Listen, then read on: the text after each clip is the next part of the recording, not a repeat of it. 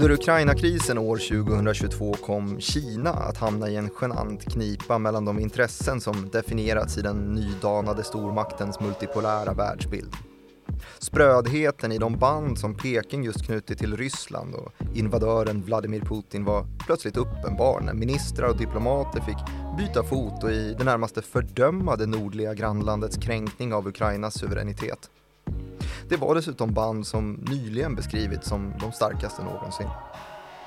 Hur kom det sig att Kina plötsligt satt fast med skägget i brevlådan medan den ryske presidentens löften om att avstå ett invasionsföretag mot grannlandet visade sig vara lögner?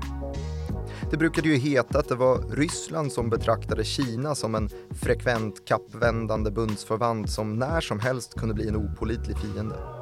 Något som hållits för sant ända sedan det mogoliska väldet lade Peking under sig och började diktera villkor för stabiliteten i östra Asien på 1200-talet. Vad förebådar egentligen Rysslands maktdemonstration i Ukraina för Kinas försök att ta greppet om inte bara östra Asien utan hela världsordningen? Det här är i alla fall Follow the Money, en podcast om makt, storfinans och börsen. Av och med mig, programledare Martin Nilsson och utrikesredaktör Joakim Rönning. Du, jag eh, upprepar ju ständigt att den här podden heter Follow the Money, men nu när jag kollade vår avsnittslista så har vi pratat om Ryssland i fem raka avsnitt nu. Så vad, vad sägs om någon form av namnprecisering? Politrukpodden.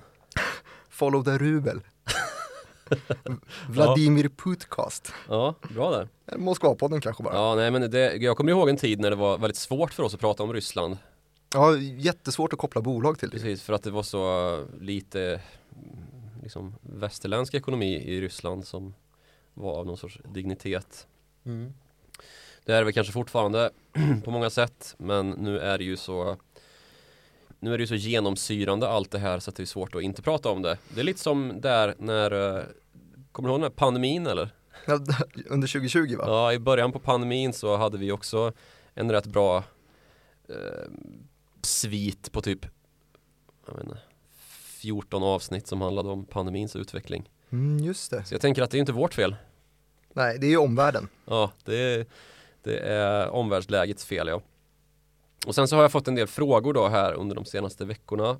Vad då för något då? Ja men att jag tjatat så mycket om att nej men det är, det är liksom inte så att Kina och Ryssland är så bra polare egentligen har jag påstått flera gånger här utan att riktigt detaljera mer än så. Mm.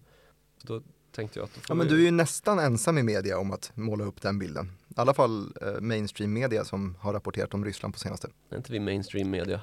Det kanske vi är ändå nu. Podden är inte så jävla mainstream eller? Nej, inte om vi byter namn till Vladimir Putkast i alla fall. Nej. Rolig du. Um, jag hävdar ju i alla fall att den här maskopin är högst uh, skör och i, i enlighet med introt här att de band som knutits ganska nyligen dessutom ju och framlyfts som de starkaste någonsin egentligen är synnerligen spröda. Mm. Och att drakbjörnen som jag gillat att kalla det här komplexet för är just en saga då. Draken Kina ska slå sig i lag med björnen Ryssland och hota hela världsordningen med revolt ungefär. Mm.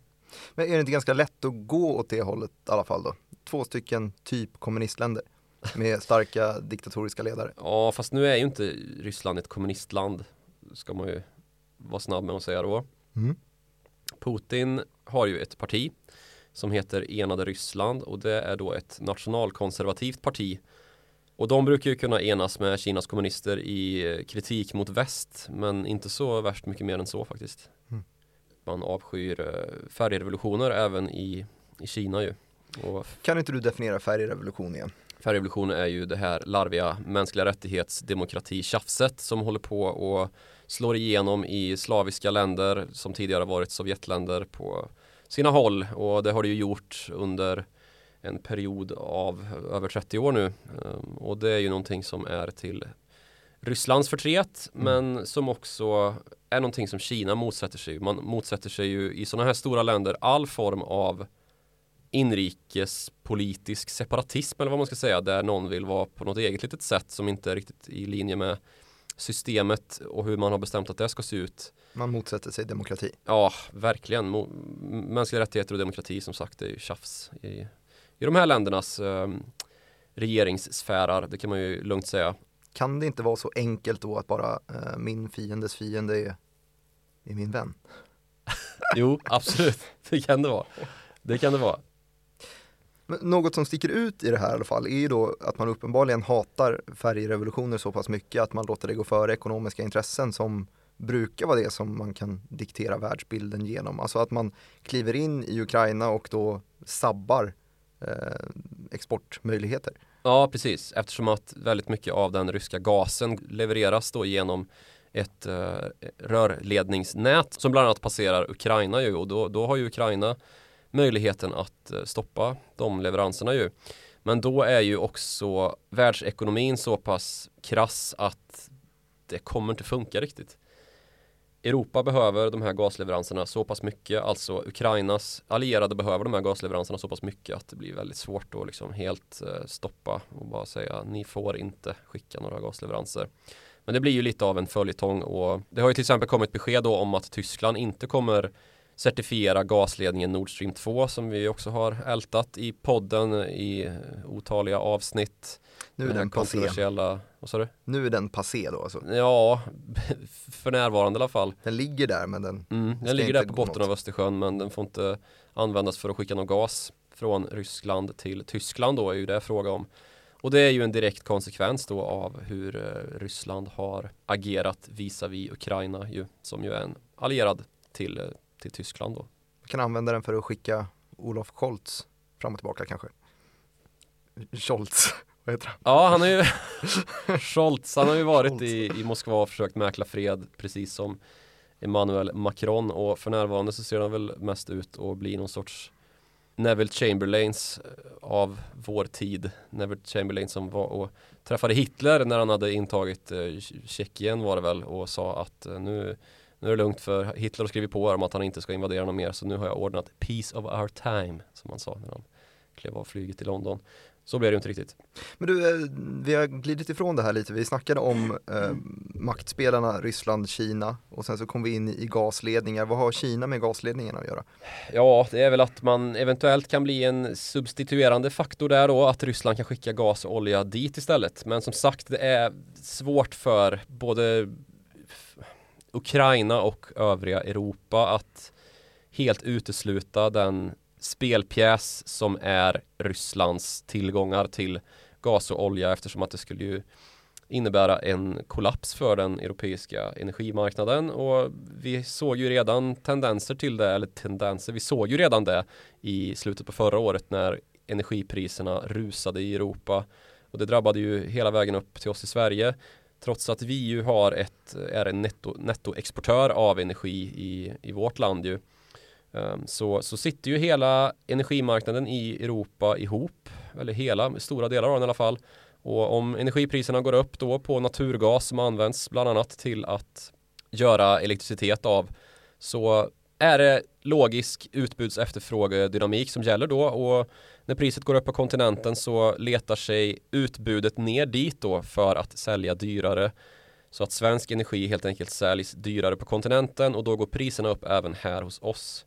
Och folk som sitter i stora eluppvärmda villor får i nästa steg då lite sådana här elprissubventioner. Um, ja, kritiserat beslut. Mm, Tycker verkligen. vi som inte bor i stora eluppvärmda villor framförallt. Det är just därför kanske det är ja. kritiserat. just det. Men så, så hänger det ju ihop då. Och den situationen har ju av vissa elmarknadsbedömare, vilket tråkigt yrke förresten, mm.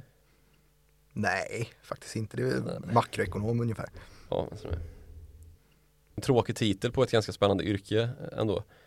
Jag har sett analyser från sådana som har beskrivit då den situationen vi hade i slutet på fjolåret 2021 som en, en västanfläkt i jämförelse med om vi bara hade stängt av all rysk gas och eh, oljetransport in i Europa. Ja, men det, det, är en spännande liten krydda som man inte riktigt tänker på. Att medan de här geopolitiska spänningarna råder mellan Ryssland, Ukraina och hela västsamfundet så fortsätter det ju pumpas in gas. Ja. Handeln fortsätter ja, ju. Så är det. Och det är väl tur det på ett sätt. Eh, mm. Även om vi man, man, kan ju bara vara förbannad på historiska beslut egentligen i den saken. Att vi har gjort oss så pass beroende av rysk gas och olja. Det hade ju varit bättre om man hade hittat på, en, på någon bra lösning på, och på något vis bli mer självförsörjande i den saken då. Även om det ju är svårt eftersom att det finns liksom en geografisk förklaring också att det är lättare att, att köpa gas från, från Ryssland som sitter ihop med Europa än att hålla på och skeppa det med båt från USA eller Mellanöstern som det ju blir därifrån då. Och Mellanöstern är ju dessutom inte helt okomplicerat av, av andra skäl som ju liknar de som, som gäller för Ryssland i fråga om mänskliga rättigheter och dylikt.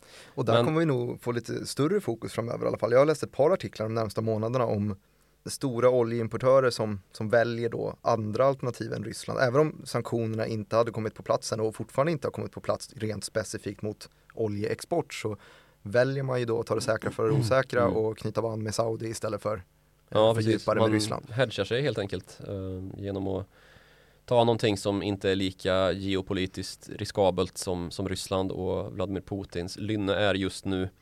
Mm.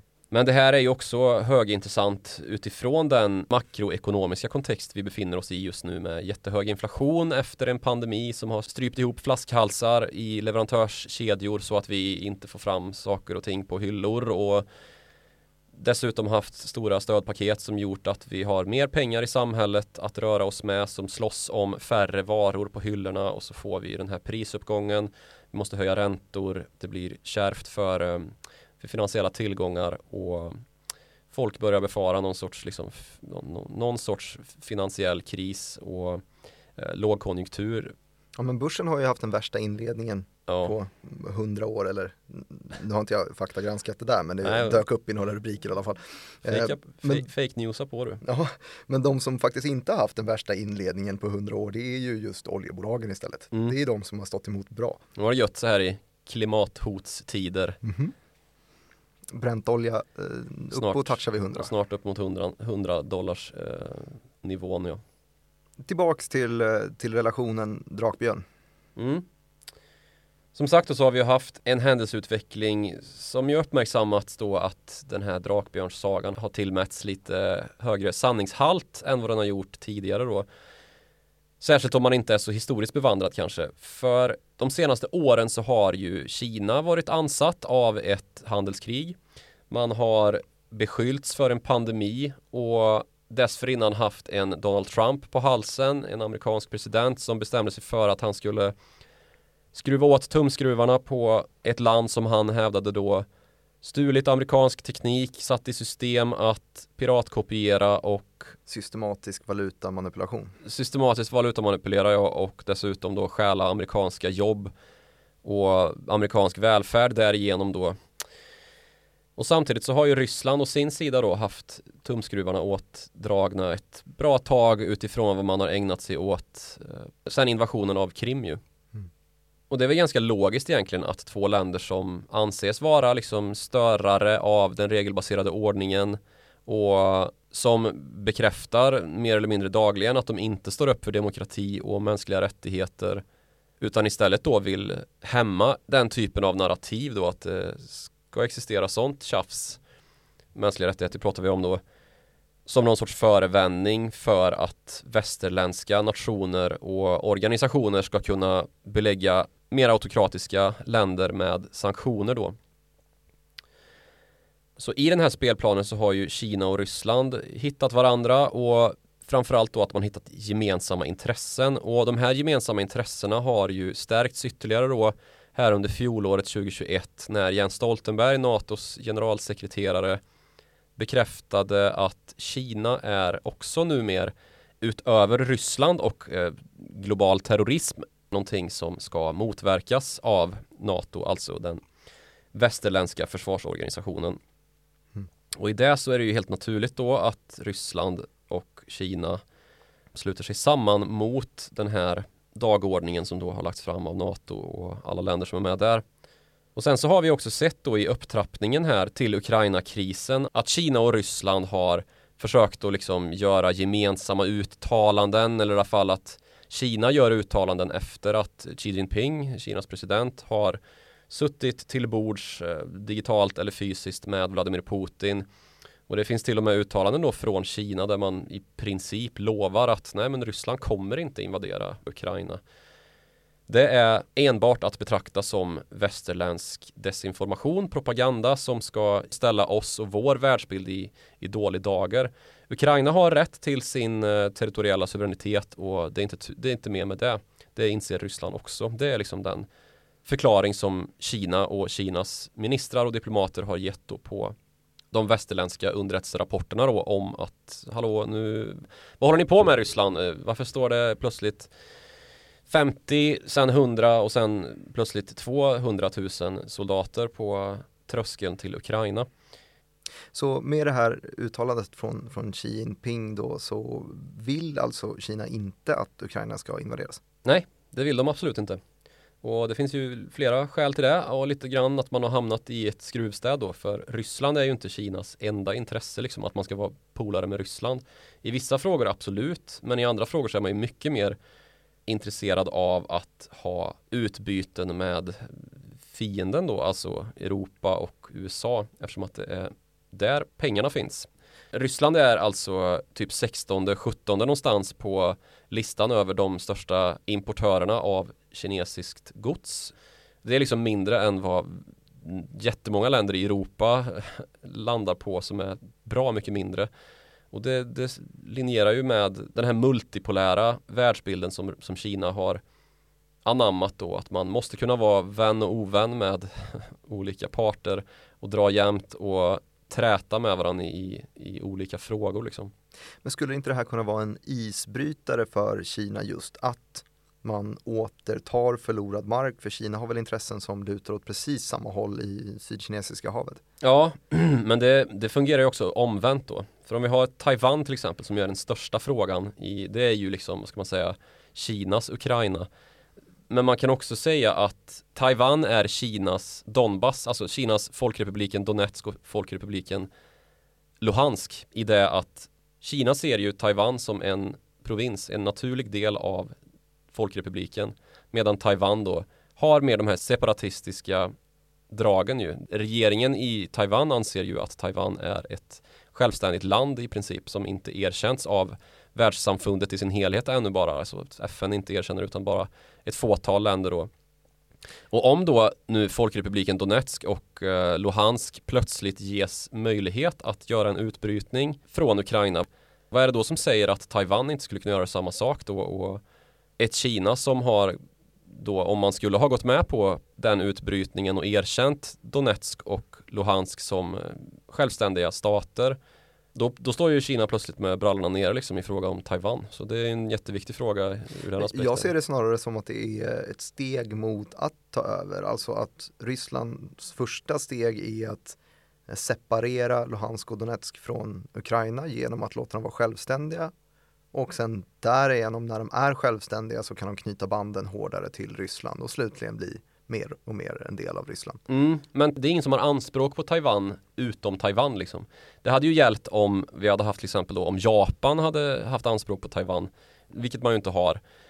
Då hade ju den jämförelsen varit, varit eh, möjlig då att eh, först så bryter man ut Taiwan från Kina och sen blir det en del av Japan. Men frågan gäller ju nu om Taiwan ska vara en självständig stat eller om det ska tillhöra Kina. Mm. Som Kina menar då. Så man får liksom backa tillbaks till att jämförelsen ska göras med separationen av Donetsk och Luhansk från Ukraina. Inte att det ska tillhöra Ryssland. Det blir lite omvänt där. Mm. Men eh, det är så Kina tänker om saken i alla fall rent diplomatiskt och vad avser liksom den geopolitiska agendan och hur världsordningen ska se på separatiststater överhuvudtaget. Att Taiwan är en separatiststat i Folkrepubliken Kinas, alltså Pekings ögon, liksom Folkrepubliken Donetsk och Luhansk är det i Kievs ögon, Kiev-regeringens ögon. Och ja, hela övriga västsamfundet också. Mm. Um, så det är den jämförelsen man får dra det, men det har varit lite förvirrat i nyhetsrapporteringen, det kan jag hålla med om. Så om vi lämnar Taiwan och eh, Ukraina-jämförelsen, kan du inte berätta lite mer om den här multipolära världsbilden som du har touchat på flera gånger? Jo, men det är ju då att just Kina anser att man måste ha möjlighet att träta och vara sams i olika frågor med med samma land, i, alltså man, man är partner och fiende ungefär i samma andetag. Och i den här frågan så gäller ju det då, å ena sidan Ryssland som är på invasionsföretag och Ukraina i sig, dit ju Kina naturligtvis har en del band knutna och säljer, säljer och köper varor. Liksom att man då måste på något vis göra en avvägning då. Hur nära Ryssland ska vi vara? Hur mycket ska vi offra för Rysslands skull då visar vi våra handelspartner i Europa som är mycket starkare ekonomiskt än vad Ryssland är. Så det är ju i förlängningen då att man är rädd för att eh, råka ut för sanktioner för att man stöttar Ryssland alldeles för mycket då i den här frågan. Och kanske till exempel då om man hade erkänt de här utbrytarrepublikerna. Man, man har inte erkänt Krim heller som ryskt territorium. Och det är väl liksom en, en bra fingervisning om hur man ser på både Taiwan-frågan men också då att man inte vill stöta sig med ekonomiskt starkare makter. Så det enda man riskerar nu istället är att man blir kallad kappvändare av vad är det, det 17 största handelspartnern i Ja precis, ledet, det, är ju, liksom. det är en ganska enkel avvägning att göra egentligen ju. Och det kanske också är därför Putin har vågat liksom bedra Kina här, för det här har ju blivit en situation där Kina är ganska bortgjorda nu. För att man då har stått och sagt att eh, men vi litar väl på, på Vladimir. Han säger ju att det blir ingen invasion och lite som Donald Trump gjorde i Helsingforsmötet när han sa att nej men han säger ju att de inte har fifflat med våra valprocesser och att man inte alls håller på och försöker skapa någon sorts inrikespolitisk miljö där man kan styra och ställa med cyberattacker och dylikt. Så då skiter jag i vad FBI säger. Det var ju hans uttalande att han trodde mer på Vladimir Putin än på FBI och CIA, alltså de egna underrättelsetjänsterna. Mm. Så det diplomatiska spelet har ju varit superintressant här hur, eh, hur man har försökt navigera kring den här frågan då och först gått på Rysslands linje men nu här på senare tid i, när det blivit allt närmare och allt tydligare då vad det är Ryssland har i åtanke så har ju kinesiska ministrar gjort uttalanden då om att eh, Ukrainas suveränitet är oomtvistlig och där har Ryssland inte att göra. De här utbrytarrepublikerna är delar av Ukraina som, som inte är självständiga. Helt enkelt. Och det är ju minst sagt en intressant utveckling om man inte tittar på historien för då är det helt logiskt. Mm. Jag, jag trodde aldrig jag skulle fråga det här men eh, kan inte du gå in lite grann på den historien då? Kan jag väl. Uh, man har ju en gräns till, till uh, alltså gränsen mellan Kina och Ryssland brukar ju definieras, den definieras i stora drag av Amurfloden. Vart är vi på kartan nu? Ja det är ju norra Kina, nordöstra Kina, öster om gränsen till Mongoliet. Uh, det sträcker sig ju hela vägen ner till, till Koreahalvön ju. Mm. Och det är en gräns som är 400 mil ungefär. Så det är en ganska lång gräns. Och östra Sibirien just norr om Kinas norra gräns då och även lite öster om det, Vladivostok ligger ju där nere, en, en hyfsat stor stad som, som mycket hamntransporter går via och som är nära anknuten då till, eh, till Koreahalvön. Ja, den ligger ju verkligen geografiskt otroligt intressant tyckte jag när jag kikade lite på en karta. Att den ligger ju ja, men, närmre Peking än vad, ja, vad Tokyo gör eller vad mm.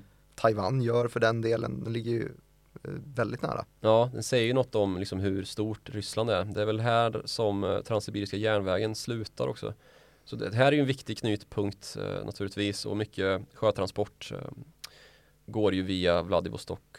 Ehm, men, hela den här regionen är ganska så bördig och, och har varit intressant ur alla kringliggande länders synvinkel under alla herrans år. Så det här har ju varit invasionsregioner under 1900-talet allra senast liksom att det streds ju om Manchuriet under eh, innan och under andra världskriget som ju är en väldigt bördig region i, i nordöstra Kina. Och det har ju varit liksom japanska, koreanska krigsherrar som har försökt liksom utvidga sina imperier här och till slut så har det ju tillfallit Kina då. Men norr om den här gränsfloden då, Amurfloden, så har det alltid varit en, en stridsfråga om östra Sibirien då. Och det var då en region som, som tillföll Kina genom att mongolväldet, alltså Temujin Khan, eh, den första Genghis Khan som förenade mongolfolken och började det här stora imperiebygget som ju slutade med att det var det största imperiet i världshistorien till slut ju under hans sons tid Kublai Khan. När han, eh, alltså den förstnämnde då, erövrade Kina på 1200-talet så, så tillföll östra Sibirien då genom mongolväldet Kina kan man säga.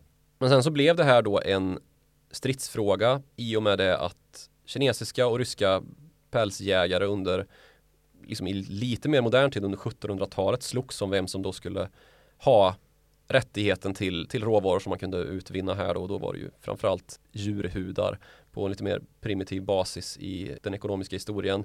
Så det slöts då ett fredsavtal under 1700-talet och därefter så kom ju Ryssland att bli ett allt mer västerländskt präglat tsardöme ju.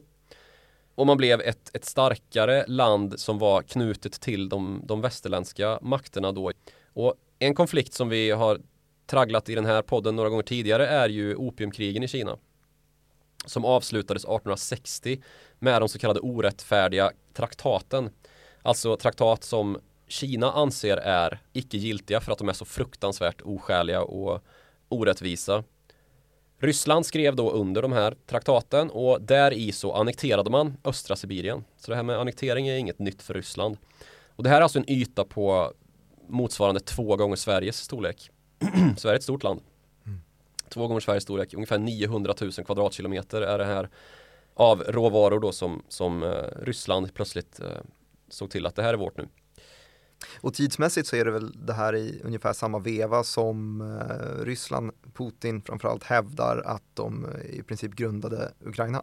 Ja, precis. Det är ju eh, hans allra senaste take på historien att eh, Ryssland inte bara har rätt till sitt Sovjetvälde utan också då att man egentligen har ju rätt till allt som man någonsin har ägt och som störst var ju Ryssland när man var ett tsardöme. Det gäller ju bland annat Finland eh, och Polen till exempel som ju som ju inte var helt in, Polen var ju förvisso liksom del av Warszawapakten och öster om järnridån men Finland var ju, det är ju fram till, till, till februarirevolutionen 1917, alltså när Lenin kom till makten så småningom.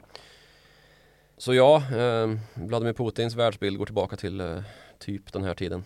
Finns det någon risk att det eh, kan bli förnyad oro där? Att det är där, därför man är lite vaksam över den territoriella suveräniteten från Kinas håll? Det tror jag definitivt. Och vi kommer till, eh, till varför, men vi, vi kan väl backa tillbaka så tar vi det som, det som liksom blev nästa viktiga punkt i relationerna mellan Sovjet och Kina då och det är ju kommunisttiden som ju i Kina kom senare än vad den gjorde i Sovjet ju. Där 1917 blev brytningspunkten från tsardöme och imperium till bolsjevism och Sovjetunion ju. För i Kina så var det ju också revolution och inbördeskrig som till slut landade i då att Folkrepublikens kommunister besegrade republikens nationalister och gjorde Kina rött då om man ska säga. Nationalisterna flydde till Taiwan istället där de fortfarande hänger. Vilket år var det här då om det här var senare än Ryssland? 1946 sätter det igång och sen så brukar man säga att det var slut någon gång under 1949 men att det liksom pågick skärmytslingar och inte var liksom formellt fred förrän 1950 här kan vi faktiskt ta och rekommendera sommarserien vi spelade in ja, för eh, gärna. Ett, tag sedan. Mm. Eh, så gick vi igenom den regionen. Den är bra den. Det är den faktiskt. Ja. Och 1950 så har ju liksom avveckling av konflikter efter inbördeskriget nått i mål och då skrivs också det första vänskapsavtalet mellan Kina och Sovjet som dessförinnan då under den här inbördeskrigssituationen har dragit åt olika håll och visst, det har liksom gjorts lösa försök att hitta gemensamma intressen men man har slitit oerhört med sina gränsområden då som båda länderna har ansett som sina egna. Och för Sovjet då, deras räkning så har man stött både nationalister och kommunister om vartannat för att liksom nå sina mål. Och dessutom faktiskt uigurer i Xinjiang, denna provins som ju fått nytt fokus de senaste åren i takt med att förtrycket har ökat där då mot en befolkning som som försökte slå sig fria på den här tiden, uigurerna. Som nu sitter i, i um, omskolningsläger för att bli riktiga kineser.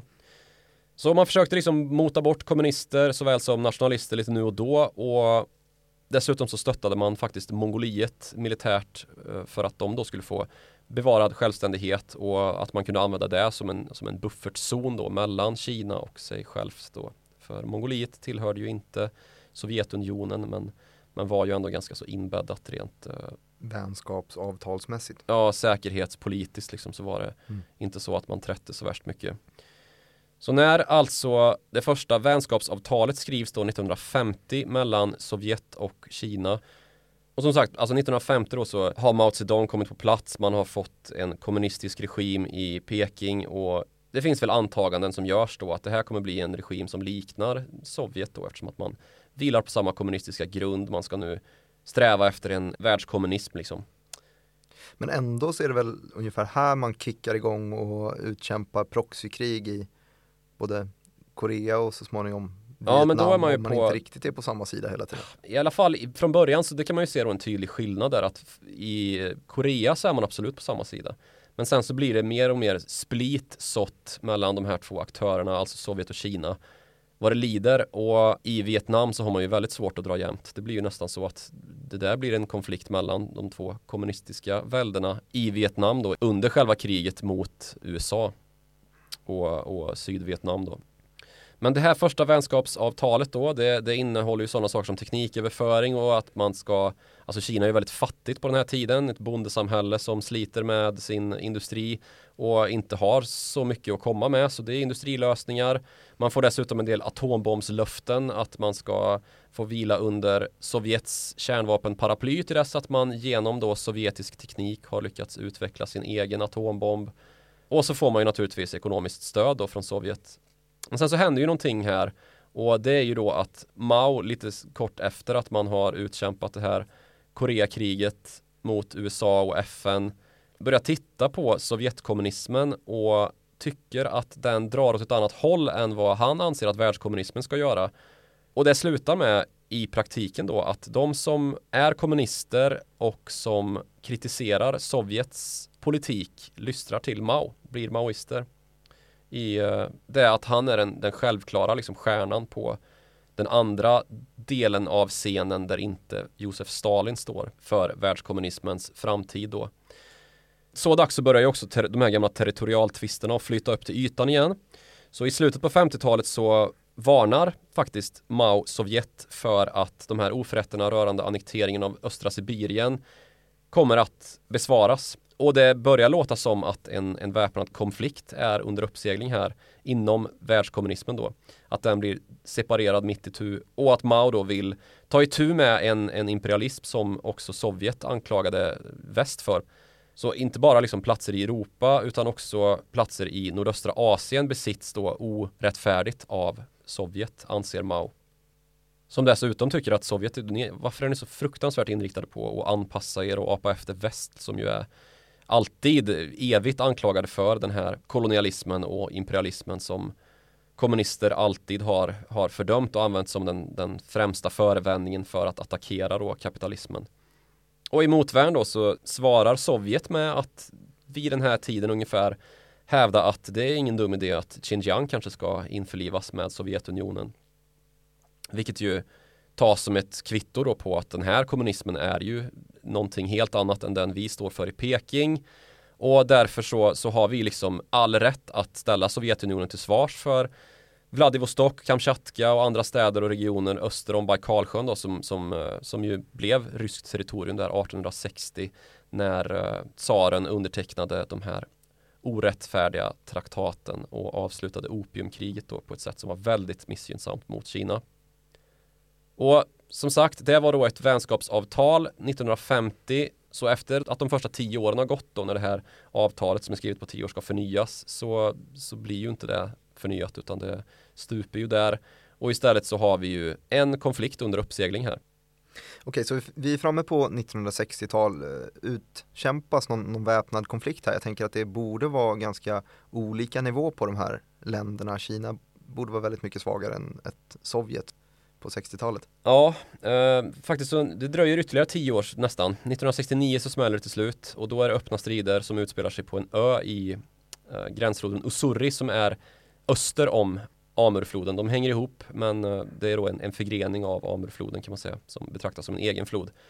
Men då är det faktiskt som att både Sovjet och Kina nyktrar till i den här konflikten och inser liksom vilket högt spel man har gett sig in i med liksom en öppen konflikt mellan världskommunismens odiskutabla stormakter som står på varsin sida och skjuter på varandra. Så därför slutar det här i en förhandlingslösning vad det lider. Det fanns lite annat krig som pågick samtidigt som kanske fick ta lite större uppmärksamhet också, i alla fall från sovjetiskt håll. Ja, precis. Eh, från båda håll tror jag, men framförallt Sovjet kanske. Och det ska man ju säga också då att Vietnam och Ho Chi Minh som, som ju var ledaren för Nordvietnam då, det kommunistiska Nordvietnam. Han var ju stalinist, inte maoist.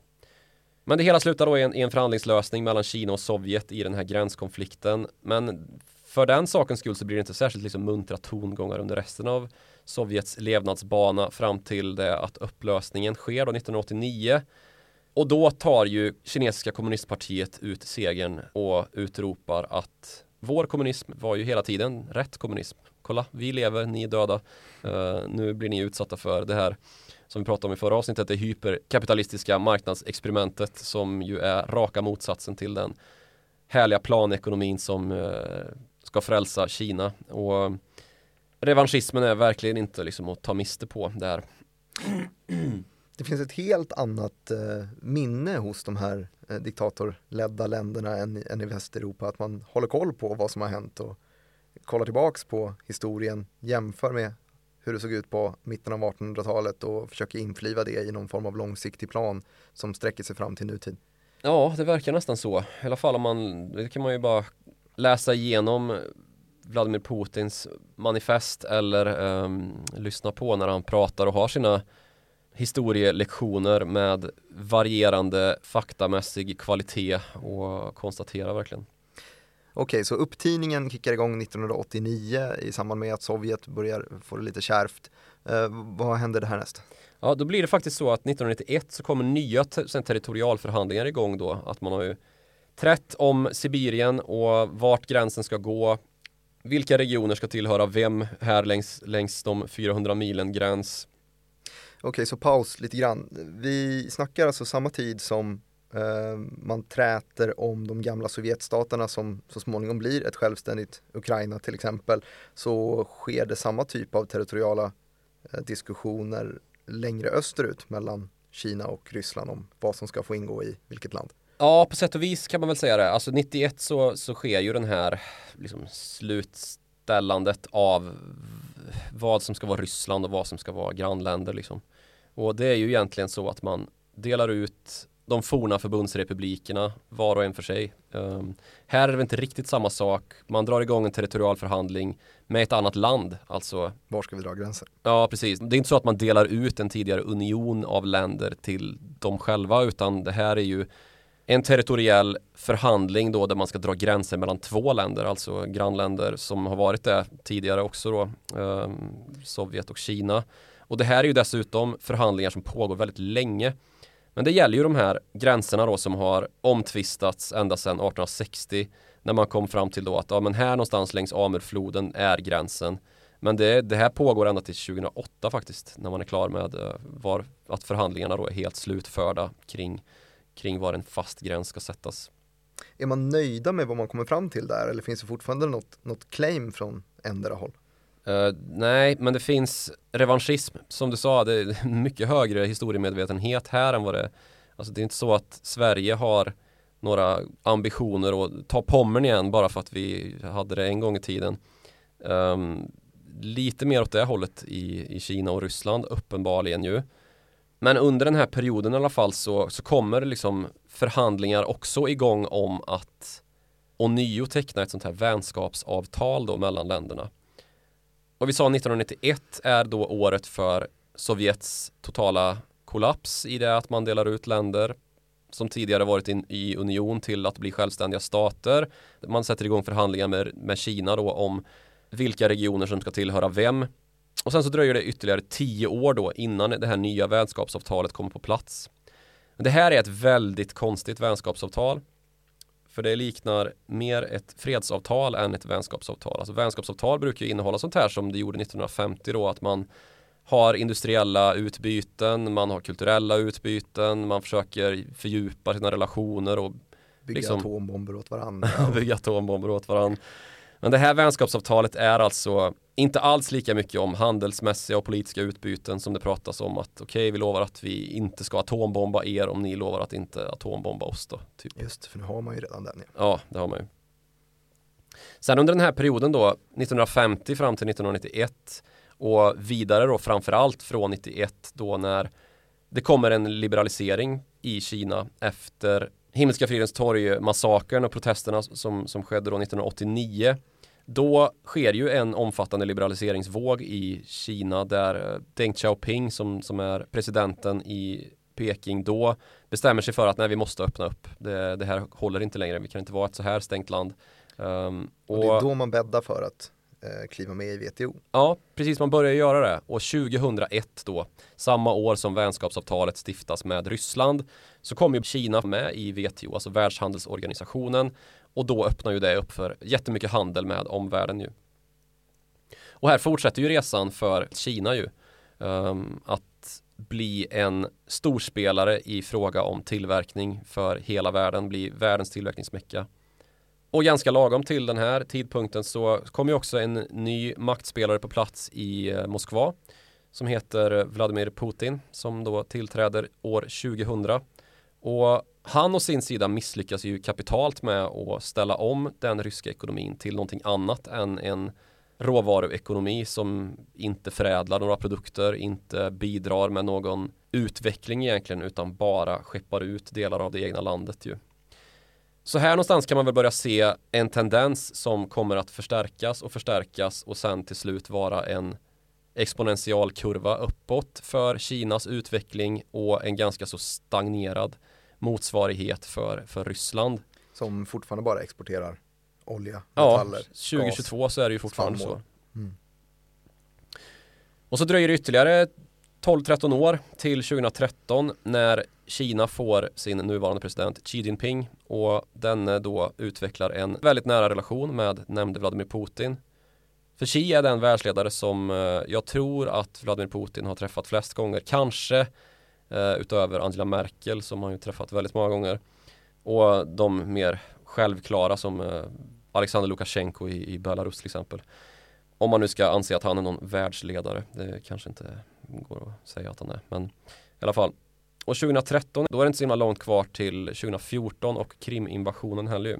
Så det här är ju en händelse som ganska mycket har definierat Ryssland sedan dess. Att man går in på Krim och därmed blir belagda med sanktioner och hamnar i skottgluggen för västerlandet på ett sätt som inte har varit fallet dessförinnan. Ryssland har kunnat fördömas för sina brott mot humanrätt och, och demokratiska principer. Men sanktionerna blir ju liksom ett nytt steg i fientliggörandet av Ryssland i Europa och eh, USA samtidigt som det motsvarande då sker från ryskt håll i den ryska propagandamaskinen vad gäller väst då och vad man kallar den utvidgning som, som ju Kreml alltid har påstått att, att NATO är ute efter. Det handlar ju egentligen om att östeuropeiska länder ansöker till NATO om att få bli medlemmar så det är ju inte någon expansion i egentlig mening att eh, visst NATO blir större men det är inte så att NATO har för avsikt att bli större utan det är ju baserat på en folkvilja i de länder som ansöker. Vilket jag tycker är ganska viktigt att påpeka. I, för det, det används ju frekvent som en del av propagandan från Ryssland att, att NATO skulle hota och när de här sanktionerna då träffar Ryssland så börjar man ju se sig om i omvärlden efter alternativ då och ett av de starkaste alternativen är ju att Kina får köpa gas istället. Och det är ju projekt som därefter har blivit liksom en nyckel för att lösgöra Ryssland från det globala dollarsystemet som ju är beroende av amerikanska banker och varigenom de här sanktionerna möjliggörs då.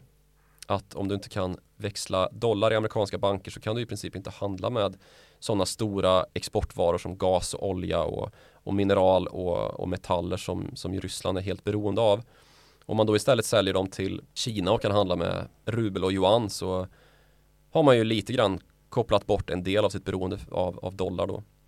Och i gengäld så, så får Huawei då det spionageanklagade kinesiska telekombolaget möjlighet Kul att vi kommer att, till aktier igen. Ja, de får då ensamrätt på att bygga hela Rysslands 5G-nät som en del av den här stora affären om gasen mellan Kina och Ryssland. Och äntligen kommer vi in på aktier. Du tänker på Ericsson och Nokia då antar jag? Ja men lite grann. Ericsson mm. har ju i alla fall varit ganska mycket upp i media eh, efter den här korruptionshärvan i, i Irak kanske. Men de har ju faktiskt haft liknande korruptionshärvor i nästan överallt, överallt. i världen. Jaha, ja. Kina också bland ja. annat. Och det här är ju dessutom en eh, genomgångsregion, alltså Centralasien, som ju vilar mellan Kina och Ryssland här som eh, alla möjliga svenska bolag har varit inne och haft fingrar i kakburkar som man inte borde. Telia till exempel i Uzbekistan ju. Mm. Och ja, det här är ju vilda västern det i um, faktisk mening vad det gäller ekonomi. Men det låter i alla fall, om vi har ringat in det här lite grann, som att Ryssland är långt mer beroende av Kina än vad Kina är av Ryssland. Och därför kanske man känner då att man har, har råd att eh, vända kappan på ett sätt som gynnar bara en själv. Ja, alltså det utbryter ju ett nytt kallt krig här kan man ju nästan säga. Det är ett begrepp som är ganska väl etablerat i Kina redan nu. Kalla kriget 2. Ja, och i och med att Kina och Ryssland är så pass enade bakom den här idén då om att ryska och kinesiska dignitärer och affärsmän ska inte hamna under några sanktioner bara för att man bryter mot mänskliga rättigheter eller demokrati. Vad är det egentligen? Man anser ju att det har liksom inte västerlandet någon sorts monopol på att definiera. Men samtidigt så betyder ju inte det då att, att man drar jämnt i den frågan mellan Kina och Ryssland att man är mer liksom ideologiskt och värderingsmässigt linjerad än vad man har varit tidigare. Det är ju bara det här liksom att the enemy of my enemy is my friend som eh, vi var inne på förut. Och det talesättet enemy of my enemy blir lite problematiskt ur en annan aspekt då. Det är nämligen att Putin har en annan bra kompis som också han är en nationalkonservativ ledare och han heter då Narendra Modi. Indien. Precis, Indien har ett missilprogram som är helt beroende av Ryssland. Och det här är alltså ett missilprogram som ämnar då utveckla en missil som ska kunna nå hela vägen till Peking. Hmm. Så här är det ju verkligen eh, Ja för de gillar ju inte varandra alls Nej de har, lite, de har lite kärvt eh, Kina och Indien Med gränskonflikter just um, Så om vi ska komma in på vart någonstans det blir lite bökigt då för den här relationen så är det ju just här då att den multipolära världen gör att det blir svårt och att det måste göras avvägningar i individuella frågor hela tiden och om man ska gå till Ryssland så pågår det ju naturligtvis precis som i Europa och Afrika en debatt då om Kinas sätt att lägga under sig länders industrier och fastigheter, jordbruk och att man har en sån enorm förvärvstakt då. Du tänker på eh, Kazakstan? Ja, det, det, är delvis det jag pratar om. Att man har så stora intressen då i de här centralasiatiska länderna som dessutom är ganska så lika Ryssland i det att man har ju stora mineraltillgångar men inte så mycket mer. Liksom. Det, är inte, det är ingen teknisk utveckling som sker här. Och dessutom så är det för detta Sovjetländer. Så det blir ju samma problem här som det blir visar vi NATO i att man anser att en annan maktspelare kommer in och lägger under sig regioner som man anser av gammal hävd tillhör Rysslands intressesfär. Och det gör ju Kina av skäl som är väldokumenterade i vår podcast, nämligen Sidenvägsprojektet som ju ska löpa precis här, där man ska försöka knyta ihop hela den här euroasiatiska jättekontinenten med infrastruktur. Det är ju ett gigantiskt kinesiskt projekt. Ett sidenvägsprojekt som ju betyder så pass mycket att man till och med vågar gå ut och hävda att eh, Ukrainas territoriella suveränitet är väldigt viktigt. För jag gissar väl att det är ungefär där man hamnar om man ska komma in till Europa. Ja, det är helt korrekt gissat och det var precis dit vi var på väg. För det är exakt så det är. Ska man ta sig in i Europa så är Ukraina, som är ett stort land i Östeuropa, en väldigt viktig passage. Och om det ska vara en massa krig och oroligheter där så blir det ganska svårt att bygga den här sidenvägen ju. Måste skriva vänskapsavtal med massa olika separatister. Ja, skitjobbigt. Men sen vad det gäller de här nämnda områdena också då i östra Sibirien så har Ryssland i sin helhet och framförallt i sådana här glesbefolkade områden där det pågår en hel del råvaruutvinning jättestora bekymmer med sin befolkningsutveckling. Och då sker det istället då en inflyttning av kineser.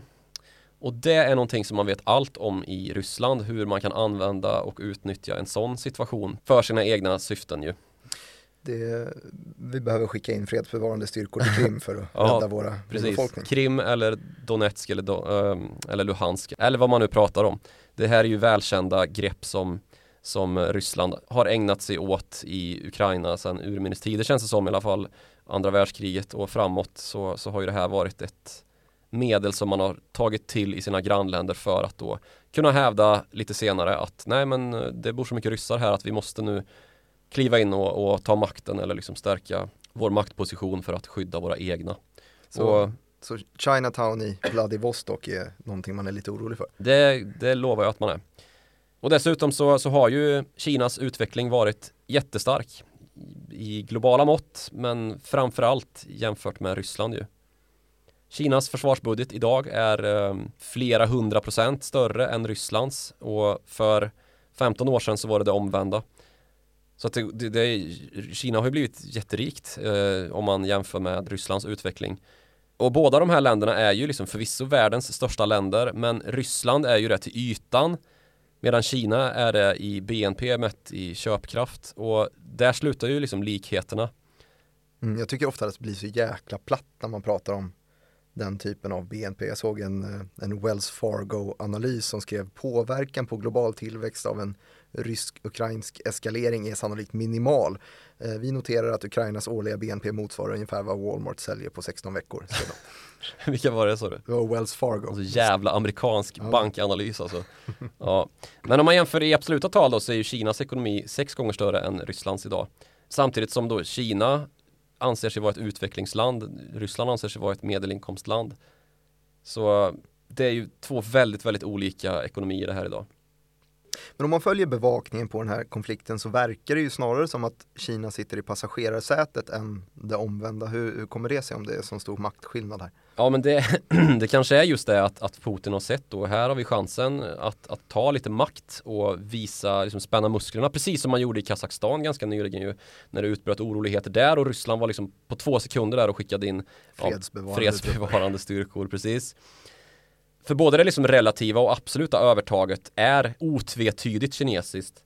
Och vi har sett tydliga tendenser på att Ryssland väldigt motvilligt har behövt foga sig efter Kina då för att kunna se röken av någon utveckling överhuvudtaget. Då genom att man, att man blir mer och mer beroende av Kinas investeringar och import av Rysslands råvaror då.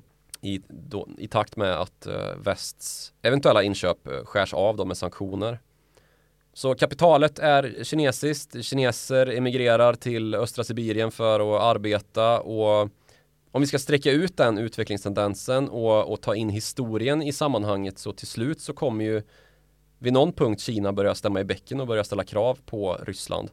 Det kanske inte sker nu. Det kanske dröjer till liksom när Putins tid är all och Kinas ekonomi är världens största. Men då är det absolut inte liksom en osannolik tanke att de här territoriella frågorna och konflikterna flyter upp till ytan igen.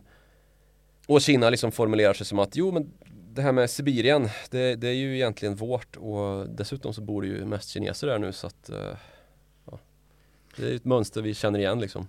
Så summa summarum är osannolikt att Ryssland-Kina är i maskopi? Ja, väldigt. Och dessutom så har ju Ryssland försvagats ekonomiskt Samtidigt som man har haft en allt högre svansföring vad det gäller geopolitiken och de militära kampanjer man har gett sig ut på. Alltså man försöker ta sig inflytande i Ukraina, man har legosoldater i delar av Afrika, i Libyen och Mali och allt vad det är och så har man Syrien dessutom som man har skaffat sig ett stort inflytande i. Och så samtidigt ska man liksom försvara sina intressen i Centralasien. Det är ju liksom risken att man förtar sig här. Samtidigt så får ju Kina passa sig lite grann för att inte bli lika splittrad i fokuset liksom. För jag sa tidigare då att sådana här stora länder har ju ofta liksom gemensamma drag i de fall där de är auktoritära diktaturer. För det leder ofta till inre splittringar och diktaturen blir liksom tillflyktsorten för att kuva inre slitningar och västra Kina är kanske det bästa exemplet på det här då. Eh, Xinjiang alltså.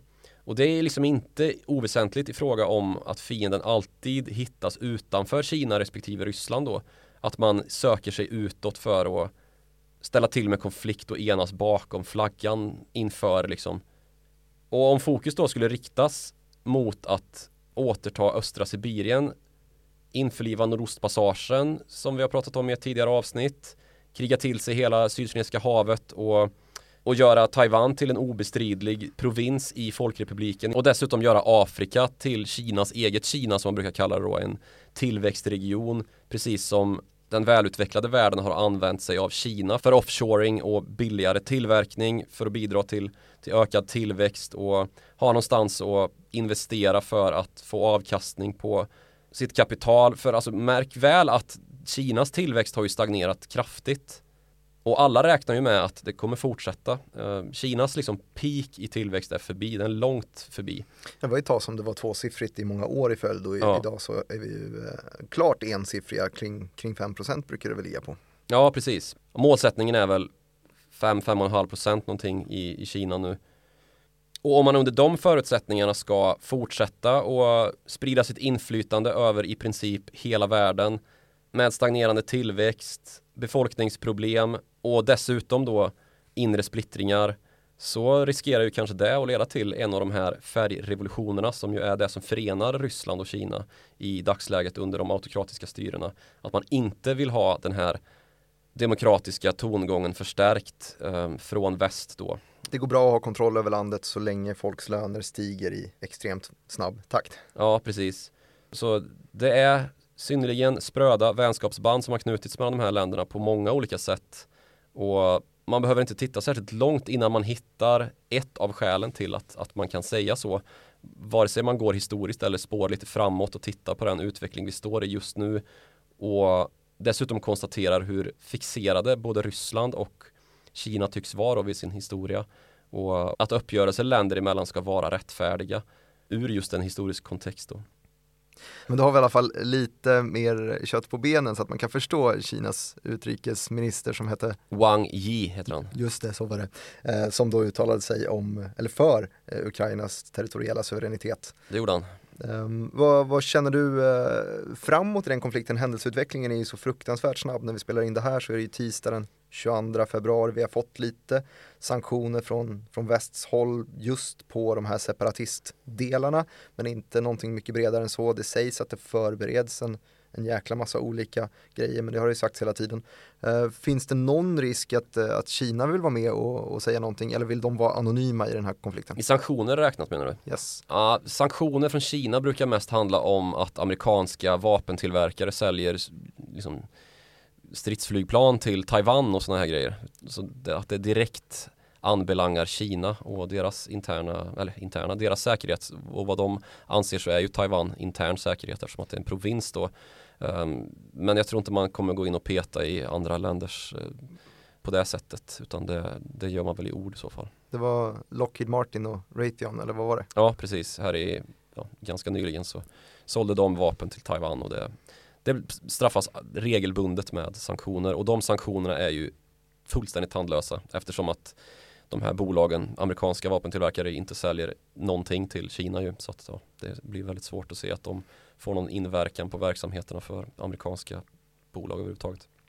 Vill ni i alla fall ha någon inverkan på verksamheten till den här podden så kan man ju göra sin röst hörd via followthemoney.direkt.se. Man kan också nå oss personligen på Twitter och då når man Joakim Rönning, Mr Utrikesredaktör på just snabla Joakim Ronning och mig når man på snabla Direkt Martin. Tack så mycket för att ni har lyssnat på den här veckans avsnitt och vi är tillbaka igen om just det en vecka.